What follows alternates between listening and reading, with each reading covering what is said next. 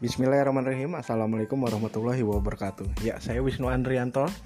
Membuat podcast ini bertujuan sharing ya Atau cerita kepada anda Tentang segala pengalaman saya Memulai membangun bisnis dari nol.